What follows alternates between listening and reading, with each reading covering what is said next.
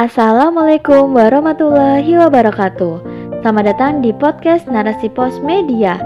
Kali ini bersama Putri yang akan membacakan naskah teenager dari Koirin Fitria yang berjudul First Beauty Bikin Iri. Tetap stay tune dari awal hingga akhir ya, karena akan mendapatkan ilmu yang bermanfaat. Ada nggak sih cewek yang nggak suka berstatus cantik? Hmm, rasanya nggak ada deh. Rata-rata makhluk berjenis kelamin wanita ini suka banget dipuji cantik. Betul atau benar? Gak heran jika status cantik ini dikejar dengan segenap daya upaya, mulai dari perawatan yang makan waktu lama sampai yang kini viral, First Beauty. Cantik versi kilat khusus yang bikin iri banyak wanita masa kini. First Beauty ini banyak dipilih mereka dari kalangan berduit. Why? Namanya juga cantik kilat.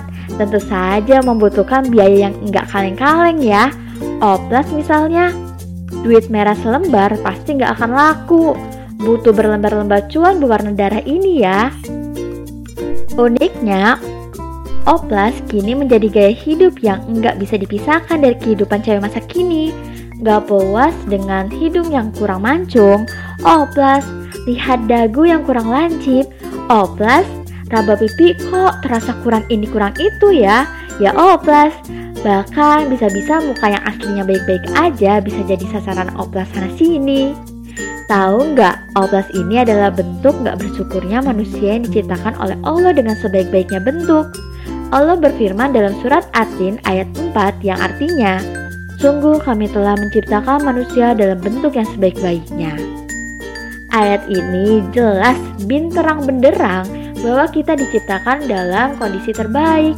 Wajah kita dibentuk oleh Allah dengan perpaduan terbaik, ukuran kemancungan hidung, tembam atau tidak tembamnya pipi, bentuk dagu, dan bagian wajah lainnya adalah sebaik-baiknya bentuk. Gak ada yang asimetris, semua simetris. Gak heran ya jika menurut testimoni orang-orang yang oplas, oplas itu bikin ketagihan. Why? Because mereka nggak pernah puas. Mereka merasa ada yang kurang di sana sini, sehingga butuh beberapa kali revisi wajah untuk menemukan bentuk terbaik versi hawa nafsu mereka. Emang ya, aneh banget ini manusia. Sudah dikasih wajah versi terbaik, eh malah bingung dipermaksana sini. Begitulah jadinya nggak ada kepuasan. Alhasil, oplas pun dijalankan berulang kali. Coba renungi firman Allah dalam surat An-Nisa ayat 119 tentang fenomena first beauty ini, yang artinya dan pasti kusesatan mereka dan akan kubangkitan angan-angan kosong pada mereka dan akan kusuruh mereka memotong telinga-telinga binatang ternak. Lalu mereka benar-benar memotongnya dan akan aku suruh mereka mengubah ciptaan Allah, lalu mereka benar-benar mengubahnya. Barang siapa menjadikan setan sebagai pelindung selain Allah, maka sungguh dia menderita kerugian yang nyata. Astagfirullah, ngeri banget loh.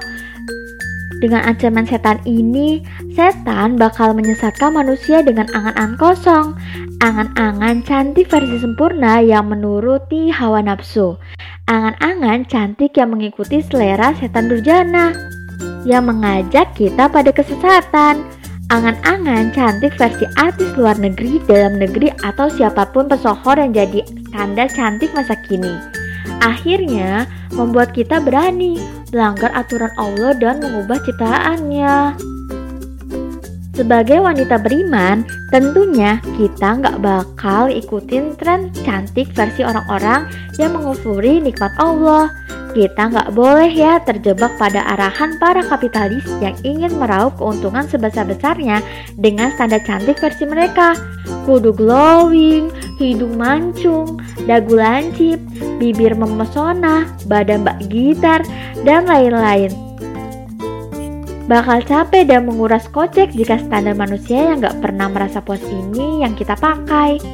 Sebagai seorang muslimah, tentu standar hidup yang dipakai adalah halal haram. Gak bakal dia mengambil yang haram karena bakalan Allah balas dengan dosa. Ancaman paling ngerinya ajab neraka. Dia bakal ngambil jalan halal agar pahala yang berbuah surga yang ia tuai. Yakin deh, Allah gak bakal mempertanyakan cantik atau enggaknya kita. Mengapa? Karena Allah telah menciptakan kita dengan sebaik-baiknya bentuk.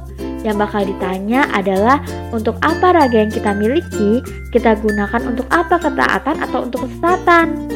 Ingat ya, yang Allah nilai adalah seberapa cantik amalan kita, bukan seberapa glowing wajah kita.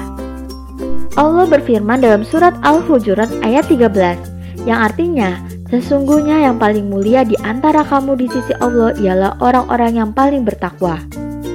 Clear ya, teman-teman? Dari ayat ini kita bisa belajar bahwa standar yang Allah inginkan dari kita adalah seberapa takwa kita. Percuma jika kita punya wajah glowing, eh amalan kebaikan kita hitam pekat. Nauzubillah min jalik. So, gak usah deh iri atau terjebak dengan fenomena first beauty yang nyatanya gak diridai Allah ya teman-teman. Mending cari jalan halal kalau memang ingin punya wajah cantik. Masih banyak kok produk kosmetik buatan atau alami yang bikin kita bisa menjaga nikmat wajah dari Allah. Tinggal kita mau telaten atau enggaknya, mau berusaha meraih jalan halal atau enggaknya.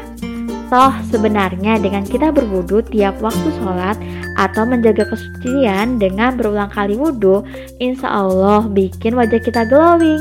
Gak hanya cantik di dunia, kita pun bakal dinobatkan jadi bidadari surga kelak jika kita pun mengglowingkan amal kita. Masya Allah. Wallahu alam bisawab.